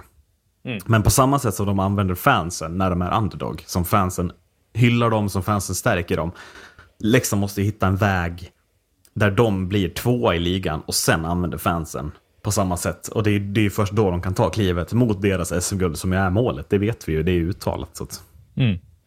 Och sen är det ju också, alltså Hellkvist sitter väl också kanske absolut mest löst, i, alltså redan inför när vi går in nästa nästa säsong så tror jag samma som du. Han är den som ryker först om det inte blir resultat. Tyvärr för Leksands del tror jag också. Men jag tror att det är så. För tålamodet börjar nog vara väldigt, väldigt, ja, Mm, det börjar ta jag tror verkligen det. Eh, ja, eh, nia, där hittar vi det första riktiga flopplaget tycker jag. Där hittar vi Rögle. Mm. Eh, jag börjar med en fråga. Är man trötta på Abbots? Jag vet inte. Kanske. Men jag, det, Mm. det, jag vet inte, alltså det kan ju vara... Det är svårt alltså. De verkar ju rätt, alltså, eh, strikta när det kommer till det mesta. Jo, men jag upplever inte att fansen är trötta på Abbots. Mm. Men är spelarna lite trötta på Abbots? Fick, jag fick den känslan måste jag säga den här säsongen. Mm. Eh, vad, vad var det som liksom Nej, men dels den totala underprestationen som Rögle står för. Hallå, det är Mm. jättemånga bra spelare som underpresterar i det här laget, tycker jag. Mm. Eh, och framförallt oförmågan att vända den trenden. Det känns som att man aldrig vänder. Man har aldrig liksom så sju raka segrar. Man har aldrig att man spelar bra i 15 matcher. Man har aldrig att man är självklar och bara går ut och slår Malmö med 7-0 i något derby för att man är mycket bättre. Utan det är hela tiden att man vet fan inte vart man har Rögle. Och då blir man nia sist. Det enda man vet vad man har det är Adam Tambellini. Som sen kliver in i slutspelet och är totalt osynlig från ingenstans. Ja. Ehm, um, nej, jag, jag jag får inte grepp om Rögle och då kan jag bara landa i att så här, är det Abbott som är anledningen? Börjar spelarna bli trötta på, på den skiten nu? Liksom? Att det lär ju vara hårt, det lär vara hårda krav, antar jag. Det är känslan man får ju i alla fall. Att Abbott är väldigt, det är hög kravställning på alla. Eh, Och nu vill man ha något annat kanske. ja, precis. Och det är väl alltid det där också. Eh, mycket handlar ju om liksom personlighet som tränare och ledare eh, och det funkar ju på, på vissa spelare, men det kanske inte funkar varje år på alla spelare beroende på, alltså så här, Eller under längre tid. Ja. Vissa av de här spelarna har varit under Abbots nu i, vad är det, fyra år liksom. Ja, precis. Eh, samma där också. Det kan ju vara mycket det där också som, som blir att om inte alla köper in på det 100% så får man inte heller 100% utav laget. Nej. Och någonstans där kanske det är att, att det landar i Adam Tambellini, Mm. absolut, är ju en, tycker jag, en av de bästa spelarna i år också. Eh, Ja, och ändå är han liksom nästan. inte... Ja, men jag tycker också det. Men ändå landa i att med hans slutspelsprestation och med Rögles prestation som lag, han är inte ens nära min årets femma när jag satte ihop den, som vi ska gå igenom sen. Mm. Att det är där det blir också, att nej, varför ska han vara där? Ja. liksom. Ja, nej, alltså, Ja. och det, det, håller, det köper jag helt och hållet. Alltså, jag Mm. menar, det kan inte bara vara en spelare som ska behöva bära hela laget och inte bära det hela vägen heller. Eh, så Men, jag vet, inte inte hur heller. mycket, alltså, han gör ju mycket poäng, men hur mycket bär han laget? Alltså på Somela bär Oskarshamn, de kommer före Rögle med en betydligt lägre lönebudget, med betydligt sämre lag på pappret, med mindre förutsättningar organisatoriskt, publikmässigt. Ja, jag vet inte. Alltså bar Tambellini, bar han verkligen Rögle? Eller om han hade gjort hälften så mycket poäng, vart hade Rögle suttit då? Ja, typ 10 kanske. Alltså, Ja, jag tror inte att de hade varit nära nedflyttningen då, utan det känns bara som att det råkar bli Tambellini som gör massa poäng. Men inte att det är att han är så jävla mycket bättre egentligen än de andra i laget, utan han är där bara på något sätt.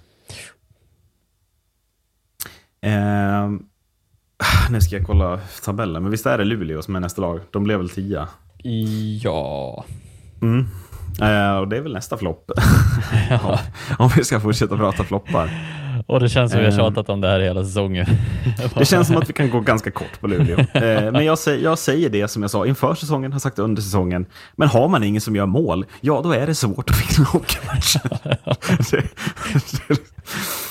Ja, det går Eh, inte ja. att landa i någonting annat heller. nej, nej, men det, alltså, det, det gör ingenting. Och Luleå har ju redan identifierat problemet. Omark är där, Andreasson är tillbaks. Det värvas spets från Hockeysvenskan. Alltså, de har ju fattat att vi måste göra mål, eh, för annars kan vi inte vinna ishockeymatcher. Det är ju tyvärr, tyvärr det som blir problemet. Sen blir man ju väl, alltså man hamnar ju väldigt långt ner i tabellen. 10 är ju oväntat långt ner kan jag känna ändå. Defensiven är ju fortsatt stark liksom.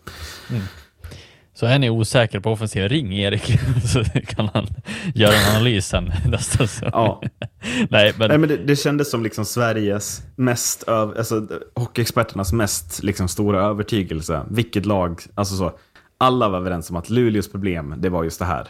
Eh, De andra lagen som floppar, där har man varit, där har man sagt lite olika saker, haft olika infallsvinklar. Men när det gäller Luleå, det är det här liksom. Ja.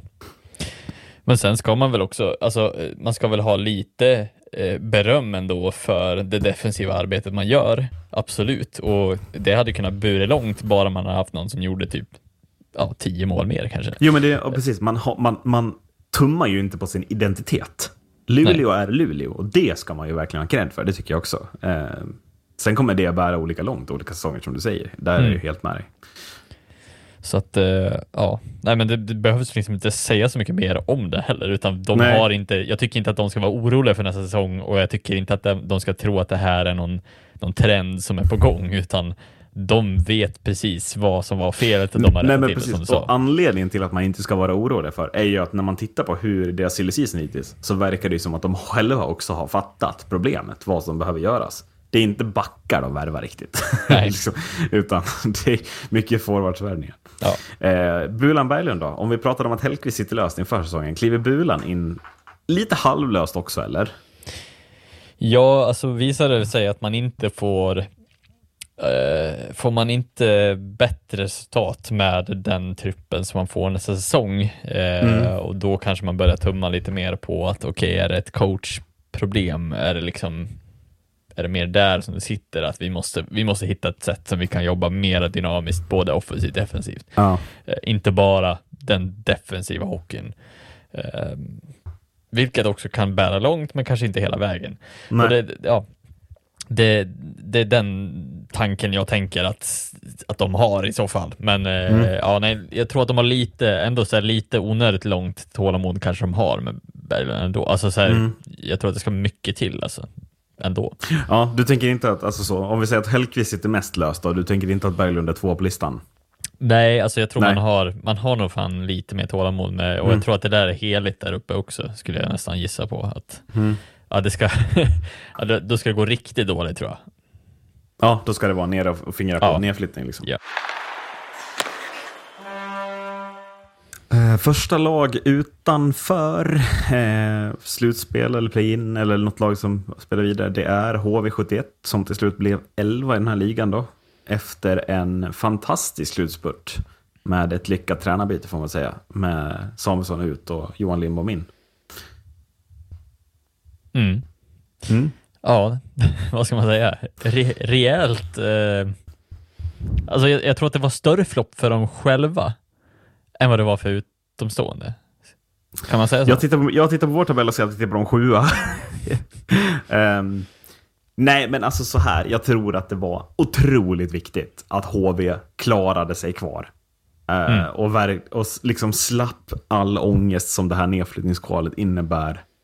Och bara direkt också, inget jävla play-in, ingenting, utan bara direkt kunde så känna, nu är det över, nu tar vi tidig semester, fram med golfklubbor, paddelrack, hela jävla skiten. Nu tar vi en välbehövlig semester, sen börjar vi om. Nu har vi ingenting att förlora egentligen. Nu är det bara uppåt som gäller. Jag tror det var väldigt viktigt för HV eh, att, att känna trygghet för första gången på 52 omgångar när sista, alltså sista matchen var avgjord. Typ. Mm. Vet du vad, jag, jag, jag tror ju att eh, HVs största problem var deras mindset, tror jag, när de kom tillbaka i SHL. De trodde att deras väg till toppen var mycket, mycket kortare än vad den är.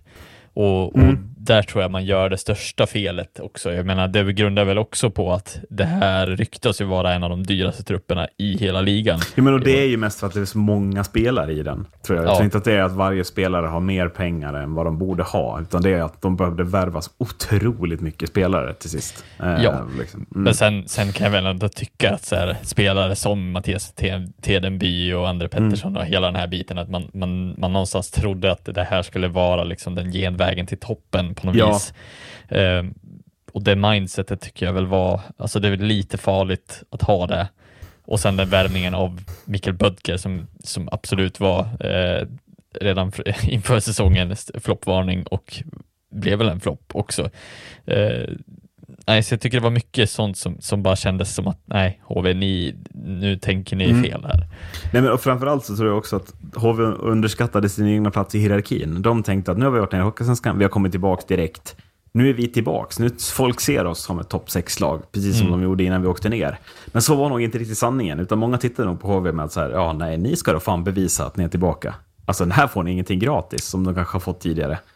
Och det var väl det som du säger, det blev ju stjärnsmällen för dem att, oj, jaha, eh, jaha, vi är, jaha, vi är långt ner i hierarkin plötsligt. Mm. Är det så det som händer när man kommer från Hockeysvenskan? Okej. Eh, Och det tog kanske lite för många omgångar att fatta. Men framförallt, det, det tycker jag verkar vara Johan, det är min största hyllning till Johan Lindbom, att när han kommer in så är det som att han på typ en kväll sätter det här mindsetet i truppen att sluta nu. Alltså sluta håll på. Nu ska vi, nu ska vi gå ut och visa vad vi går för. Det måste, vi måste ju bevisa att vi är bra. Och då vinner man ju hur mycket matcher som helst på slutet. Och är, liksom, då är man ju topp fem i ligan poängmässigt sista 15 väl, eller något sånt där. Ja, precis. Och sen, sen också det, det otroligt, alltså så här, eh, och det var väl, det grundar väl också i att här, det som André Pettersson sa i någon intervju också, att man går ju in och försöker, alltså man tror att man ska liksom föra spel genom att passa sig ut, alltså passa sig genom alla motståndare och passa sig in i mål. Och han sa det, så vi skjuter ju alldeles för lite. Alltså vi måste skjuta, vi måste, sk- alltså mycket, mycket mer, mycket mer desperation. Alltså det var väl det som man avsaknade i HV också. Eh, som ändå kom på slutet till slut. För att man insåg att man, fan, man kanske inte kan liksom lira sig hela vägen in i mål. Nej. Och där någonstans så blev det väl liksom att säga, fan, eh, det, det vart väl tydligt bevis på att HV trodde att man var hö- högre upp i hierarkin för att man tänkte att man kunde passa sig igenom vilket lag som helst i den här ligan. Eh, vilket inte är fallet. Så att, Mm. ja, nej, så det, det var väl mycket det där också, att man, man trodde liksom inte på eh, att behöva spela lite mer desperat hockey. Nej. Nej, nej. Och framförallt att man tror nog inte man skulle behöva bevisa sig. Att bevisa att man är tillbaka på allvar. Liksom. Ehm, jag tror det är också nyttiga med att, som Modo nu, att man, man har varit nere ett tag. Modo fattar ju nu när ni kommer upp att vi måste ju bevisa att vi är tillbaka. Ni, ni, jag menar, HV kom tillbaka direkt och tänkte att ingenting hade hänt. Men det händer saker på ett år. Liksom, det gör det. Så enkelt är det. Ehm, Ja, vad summerar vi? Lag 12, Linköping. På Linköpingsfronten inget nytt, eller? Nej, Nej. man försöker liksom hålla sig över ytan och det gör man ju. Man ju ett jättebra... Definitionen av ingenmansland är ju Linköping nu. Mm. Alltså, det är, alltså, de definierar ju precis hur ett lag som hamnar i ingenmansland spelar ishockey och agerar, liksom, tycker jag. På alla punkter, vart jag än Mm. tittar, så känns det som ett ingenmanslandslag. Svinbra Det- i powerplay.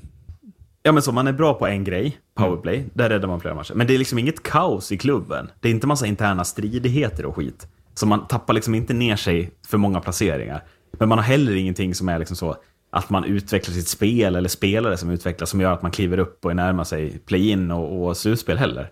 Utan man bara flyter på i sin ensamma lilla roddbåt i ingenmansland. Och där är Linköping hela tiden. Sen byts de andra roddbåtarna bredvid byts lite till och från. Men de flyter på i sin takt och den takten räcker för att inte åka ur SHL, upplever Ja. Och är man nöjd där så ja, då sitter man kvar där. Men, Men det kan väl inte bära? Alltså någon gång måste väl den här båten antingen få fart eller ta, ta in lite mer vatten. ja, Alltså någon gång måste det väl ske. Nu är, det känns så sjukt att de fortfarande inte har varit med om ett negativt kval. Att de är där nere hela tiden, men klarar sig undan. ja, det är imponerande hur man bygger en lagom bra förening. Det är liksom, Ja, men eller lagom bra. Det, alltså det måste till en höjning, annars kommer det till sist bli nedflyttning. Alltså jag kan inte landa i en annan slutsats. Men den slutsatsen har jag landat i nu i fan fem år i rad känner jag. Mm. Ja, Nej, men måste väl nästan också kräva det av, alltså från fansens håll. Vill man, vill man inte ha en bättre Eh, hockeyklubb? Det upplever jag också, man ser väl lite för lite av de kravställningarna. Alltså så, det är lite för lite banderoller på, på läktaren, det är lite för lite liksom så. Kom igen nu, alltså det blir lite för mycket stryka medhårs från supportrarna också om jag ska vara hård mot dem. Det, det Mm. kanske man får vara, jag vet inte. Ja, kanske. Men eh, vad ska Linköping göra? Alltså vad ser du? Ser du det ske? Alltså jag, jag har väl, jag vet inte hur många år, det känns som vi har hållit på ett tag nu. Nej men, alltså det, det känns ju som att man, man hela tiden har hoppats på att alltså Linköping ska komma in och göra någonting oväntat eller någonting så, så här rebuild. Och vi gör någon eh, sjuk värvning eller vi gör någon, eh, ja, någon ny take på att vi plockar upp massa eh, juniorer och fyller på med eller vad som helst. Bara för att se, oavsett om det är bra eller dåligt, bara få se någonting annat liksom i det där. Eh, men nej, jag vet inte riktigt vad, vad man ska göra heller för att, alltså, det är väl nästan som man ska från, som utstående hoppas på att eh, Brock Little försvinner eller någonting. Jo men det är väl Eh. lite det, det är ju de här spelarna som är kvar. Ty Ratty, nu är inte han som men alltså så. Det är Marcus Ljung, det är Brock Little, det är det är de här gubbarna, det är Marcus Högberg i kassen. Det kommer vara dem och de har kontrakt som sträcker sig en bit. Alltså det kommer ta tid för den här rebuilden att ske, för de här kontrakten de är kvar och de kostar och de, det är de som måste göra det liksom. Mm. Sen vet jag inte vad, vad Linköping sitter på för medel heller. De är väl ganska mittemellan alltihopa, men eh, det känns ju lite som att man måste hitta ett nytt sätt att scouta och, och leta nya spelare, för någonstans måste man ju också kunna ersätta Brock lite när han väl försvinner också. Ja. eh. Om du då tittar på värvningarna som har gjort. Man har alltså tagit in en 30-årig kanadick från tyska ligan och Remy Ellie. Mm. Känner du att oh, det här är helt ny, det ny, ny stil? Ja, Remy känner är väl den enda "Ah, Det här är typ samma värvningar. Ja, nej, ja, men alltså det är lätt att skratta åt, men det är, det är, liksom, det är som att är, de gör exakt samma sak igen och tänker Ja. att vi ska bli 12, förlåt. Men det är liksom exakt det jag tänker när jag ser de här. Ja, precis. Och Sen är det ju Ellie, jag tycker att det är en väldigt, alltså, ja, lite, alltså lite bättre än, än vad de... Ja, den kittlar lite. Ja, lite så här, man tänker att Färjestad hade ändå gärna velat haft kvar men vart inte bra hierarkiskt där. Eh, Nej. ja, där var de Nej, men det är väl något så- sånt man skulle behöva göra. Alltså typ så här, Filip Bystedt blir väl kvar också, vad jag förstår det som. Årets, årets rookie. Ja, ja. Nej men äh, så här, Ellie första center, Bystedt andra center, Marcus Ljung tredje center. Vad vet jag, men göra någon sån radikal Mm. förändring i kedjorna. Att liksom ändra om och liksom ställa lite krav och eh, ja men så. Något sånt. eh, in med Louis Eriksson i första serien. men bara, så bara... Gör någonting som är lite oväntat. Och det, Mm. om man nu inte gör det på värvningsfronten, ja, men gör det då i truppbygget eller kedjebyggena. Att liksom ge sådana spelare en, en chans högre. Eller bänka Tyratti, vad fan vet jag. Men gör något liksom som, som känns lite erigerande. Ja, precis.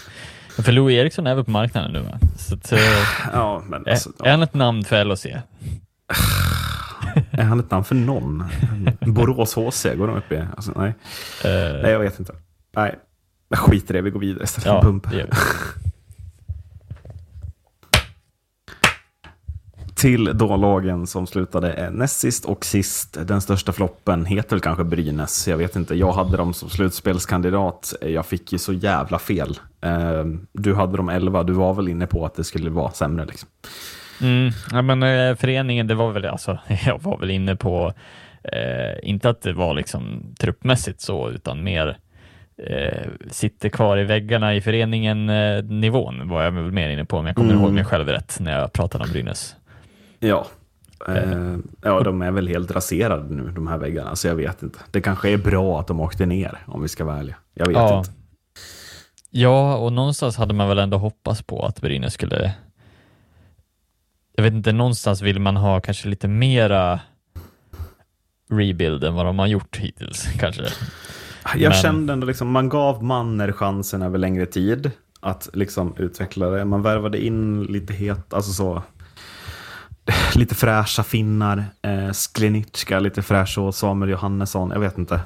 Mm. Det kändes som att det var något annat, men det var inte det. Typ. Nej.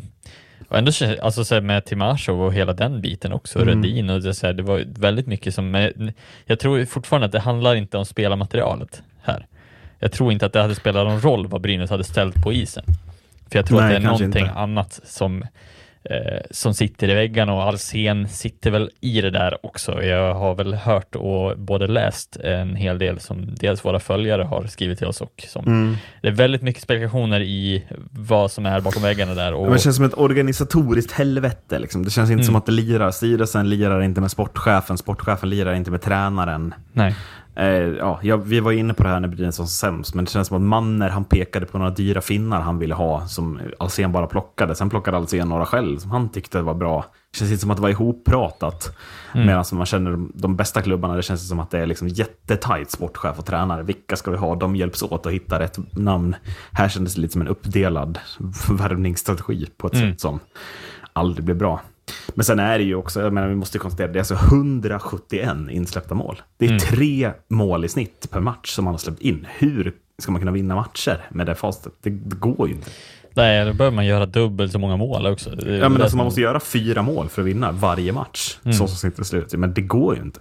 Nej, Eh, nej så det, det är mycket det där också och lite av kanske Eh, en övertro på vissa spelare också som man hade problem med att jag vet inte, vart har man, vart har man alla spelare som, alltså vart har man själva grunden i vart man lägger vilka spelare i vilket fack och så vidare. Det känns lite som att man tappar hela, man vet inte vad man lägger pengar på längre utan det bara Nej, och hierarkin är ju också svårrubbad i känslan. Så Ja. Rödin är första forward oavsett skad, hur många skador matchen har. Hur många, han ska in och spela alla situationer liksom, han spelar. Mm. Jag vet, inte, känns det rätt kanske? Ja. Ja, det är otroligt spännande och det var väl ändå kanske någonstans hängde det väl i luften lite när de väl tappade platsen till HV. Mm. Eh, tycker jag. Att det, det, kändes lite som att det rubbade Brynäs världsbild lite Mm. och tryggheten i hela föreningen raserade. Om det ens fanns en trygghet innan. Men ja, Ja, nej men. Det sista lilla försvann väl. Eh, ja, om vi ser det som en övergång till lag 14 då, så var väl det bara att duka upp eh, för Malmö. Att den sista chansen för dem att överleva den här säsongen var ju att ett lag skulle göra det som Brynäs gjorde. Totalt haverera. Hierarkiskt, organisatoriskt, om, i omklädningsrummet. Eh, så att de kunde, kunde göra en sista kraftsamling. Mm. Eh, och, och liksom gå för att hålla sig kvar. Eh, Ja. Och det gör man ju på ett bra sätt. Men i övrigt, vi hade de båda sist. Det är det sämsta laget som blir sist. Jag kan inte landa i en annan slutsats på Nej. Malmö. Nej, och det tyvärr är det så. Alltså, så det känns Mm. som att Malmö någonstans så landar Malmö lite nästan i samma fack som Brynäs, även om de är lite sämre. Men det känns lite som att man har en övertro och man har man vet inte riktigt vad man lägger pengar på längre heller. Men känns, lägger man ens några pengar? Alltså förlåt, men vad Nej, är det som kostar den här truppen? Det känns som att det bara är Carl Söderberg. Alltså det är bröderna Sylvegård högt upp i hierarkin. Jag, jag vet inte. Det känns som att man inte ens trodde på det från första början, Malmö. Medan Brynäs hade en tro på SM-guld, typ. Jag vet inte. Mm.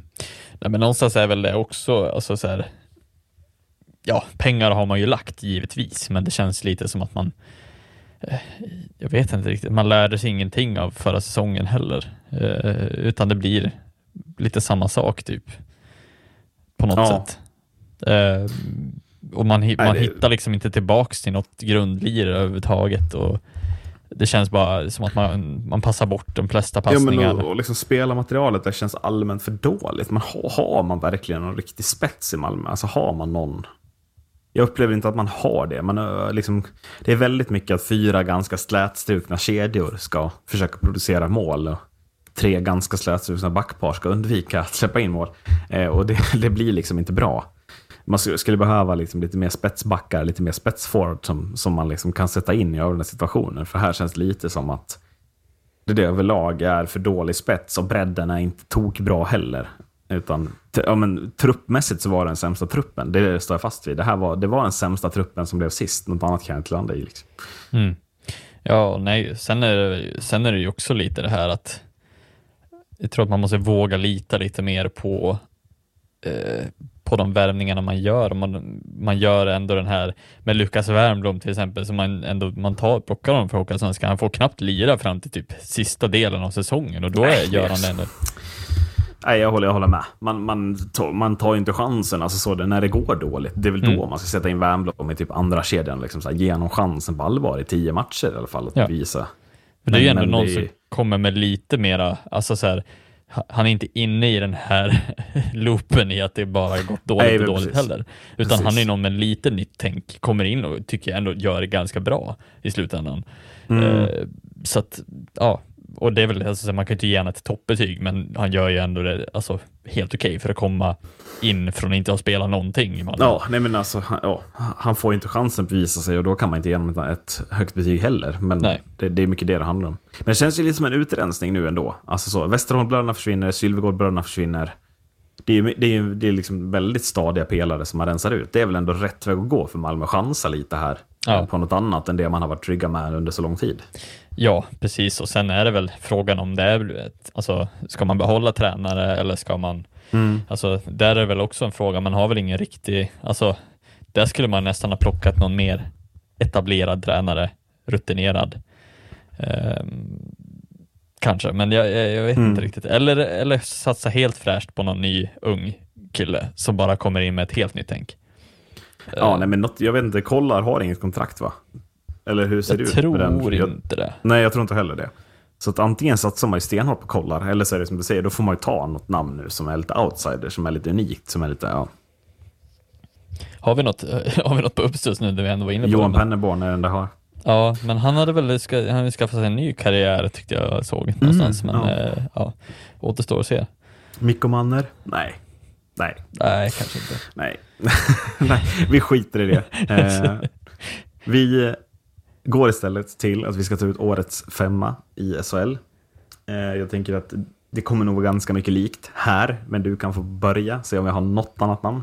Eh, Ja, Kör. nej, men vi har väl nämnt dem allihopa säkert. Vi har väl säkert ja, något vi, vi behöver inte prata om det jättemycket längre, men bara sammanfatta. Vad tycker du är årets femma i SHL? Årets femma.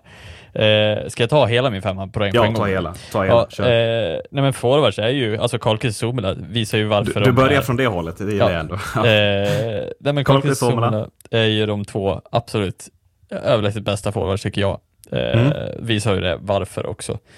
Eh, Oskar Möller har jag också tagit ut. Nu tog Ja, inte det, jag... är, det är alla tre boxar du checkar. Det är exakt min Ja. forwards det också. Eh, Så att, Jag vet fortsätt inte backarna eller vad man behöver säga. Karlqvist Nej, men det bara- går inte att ta några andra. Det går inte att ta några andra.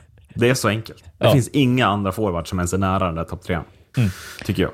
En- En snabb grej kan ju vara rolig att nämna bara att Karlqvist hade absolut noll erbjudanden från SHL den här säsongen, eller den, ja, när han kom till Oskarshamn. är inte det lite roligt ändå? Ja, nej, det, alltså, det, det finns ingenting jag tycker är härligare än att en sån spelare är en av de mest framtonade i den här ligan. Det, Mm. det vill jag säga. Sen backar är ju Pudas och Hardy Hammond Aktell har jag valt. Mm, Så- ja, vi, vi skiljer oss lite, men inte jättemycket. Du, jag tog en annan back från Växjö tillsammans med Pulis. Okej, jag, ja. jag tog eh, Lukas Bengtsson istället. Eh, Ja. Men det är ju liksom där. Det är där man hamnar. Ja, Jag blundade och pekade på någon. ja men det var ju lite, samma. Eh, Men jag, jag, och varför jag valt Hardy eh, framförallt, det kanske, kanske är mer intressant. Men jag tycker bara att han har kombinerat både poäng och plus minus. Alltså det känns som att han har varit allround eh, på det sättet. Och det är väl nästan Jag- samma med... Ja, men jag tycker, det anledningen till att jag landade i Bengtsson är för att jag försökte summera. Jag tycker att han har varit Växjös bästa back. Det tror jag inte alla tycker. Det är någon som kommer bolla upp Per Marktell, det är någon som kommer bolla upp Joel Persson. Men jag tycker att han har varit deras bästa back, Erik Bengtsson. Då, då fick det bli det avgörande. Liksom. Eh, sen får man hålla med mig eller inte. Typ. Men det ska vara en Växjöback där. Det är deras försvar som har varit väldigt tongivande för dem. Och deras sätt att involvera backarna. Så att, helt givet. Mm. Nej, och sen eh, årets målis är ju Emil Alme. Alltså, ja, det, det är han absolut. eh, det, han vinner SM-guldet också i slutändan och det är väl det som blir MVP i skillnad. slutspelet, det finns Ja. inte så mycket mer att säga tänker jag. Det, det blir Trä, det som, Tränare blir väl intressantare. Ja, eller blir det det? Jag vet inte riktigt. Men jag tycker ju, alltså så här, det går, jag kan inte landa i någonting annat än att Jörgen Jönsson blir Nej, årets jag, tränare. nej, men nej, nej, jag håller ju med. Jag är där också. Ba, bara för det han gör. Det är första året som headcoach då. Ja. Och han vinner SM-guld. Det är ju imponerande. Och det, det kan låta skittråkigt, men det känns ändå som att det är ändå så här, vad fan, han, han gör sin första säsong. Det är ingen som förväntar sig att han ska gå in Nej. Nej, och, bara ta över från det han gör och han gör det Och- så bra. Man, glöm inte vem han tar över från. Han Nej. tar över från Sam Hallam i Växjö. Mm. Alltså det är sjukt imponerande att vinna SM-guld efter Mm. det. Det är det bara. Med också det här laget. Alltså jag tycker inte Mm. att på förhand som vi tippade också, som allting är, alltså det känns inte som att han går in och bara tok-favoritar in. Nej, nej, gud nej. De var absolut inte oddsfavoriter att vinna. Nej. Det var de inte. Så att, eh, det var det någon som tippade inför, så snyggt tippat. Ja, eh, men det, det är, man kan inte landa i så mycket annat. Nej. Det tycker jag i alla fall. Du får nämna en back och en forward som du tycker ska ha heder som nämnande eller som ska liksom nämnas i, i den här kontexten. Eh, ja, men eh, alltså, så här, jag, jag tycker att eh, alltså Theodor Lennström, om han inte är skadad, alltså jag tycker att det är eh, den bästa backen vi har sett på svensk is på väldigt, väldigt länge. Och om han är hel en hel säsong, alltså jag vill ju jag vill ju verkligen, jag hade ju verkligen velat den här säsongen att han hade utmanat Pudas mer. Men, men är, är liksom, Theodor Lennström för dig, är han hel en hel säsong? Är det ett lika med tecken med SM-guld för Färjestad tror du?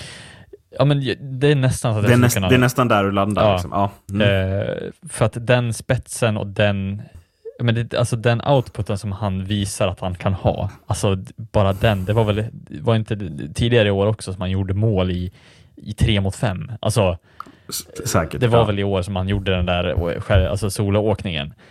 Eh, att bara göra det som back när du stått och försvarat i fem mot tre.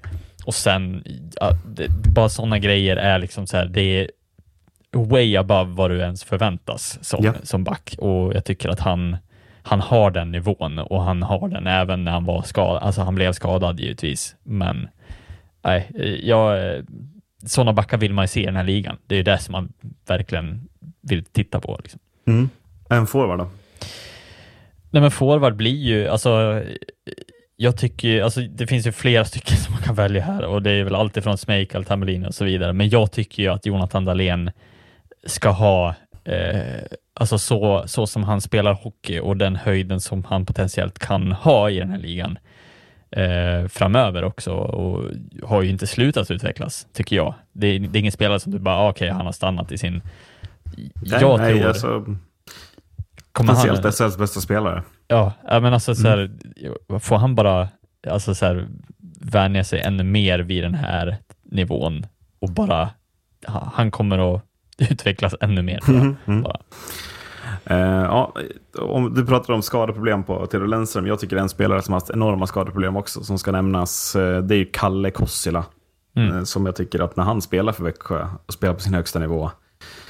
Jävlar vad tongivande han är i serieledarna, seriesegrarna och SM-guldvinnarna. Eh, på ett sätt som är nästan unikt. Ehm, sett till att han ändå har varit skadad så mycket. Det blev inte ens 30 matcher tror jag till sist. Utan det var nästan 20 matcher skadefrånvaro. Eh, Så att Kossila, hade, det är lite samma där. Hade han varit hel så tror jag att han hade varit helt given i den här eh, årets femma bredvid Karlqvist och Somla. Jag tror att han hade trumfat Oskar Möller nästan. Eh, Och det, det är ändå att sticka ut hakan och säga vill jag hävda. Eh, så. Men sen backmässigt också, och kanske den värvningen som är mest intressant inför nästa säsong. Men Samuel Johannessons säsong i Brynäs går väl enormt under radarn här. Alltså han är väl deras absolut bästa spelare. Eh, och att Örebro tar honom, Johan Hedberg ska få utveckla honom. Oh, ja, jag tycker det stinker över 40 poäng på Johannesson. Eh, kommer få styra deras PP och så vidare. Och så vidare. Får säkert hålla Näckive i handen i något backpar. Det känns superintressant, den värvningen tycker jag. Eh, och jag tycker att i ett Brynäs där väldigt många kvitterar ut ett icke godkänt betyg så är väl han den enda som kan kvittera ut ett betyg fyra eller femma på skalan, alltså ett högt betyg. Eh, på något sätt. Och det är ändå starkt. Han är ändå ung fortfarande, född 00 tror jag. Eh, Så att, trots alla problem internt så tycker jag det är starkt av honom att hålla ihop säsongen på sättet han har gjort. Ja, jag håller med. Eh, det var en timme och 20 minuters podd, Marcus. Nu ska vi ta en bumper och sen ska vi tydligen prata om en hel liga till.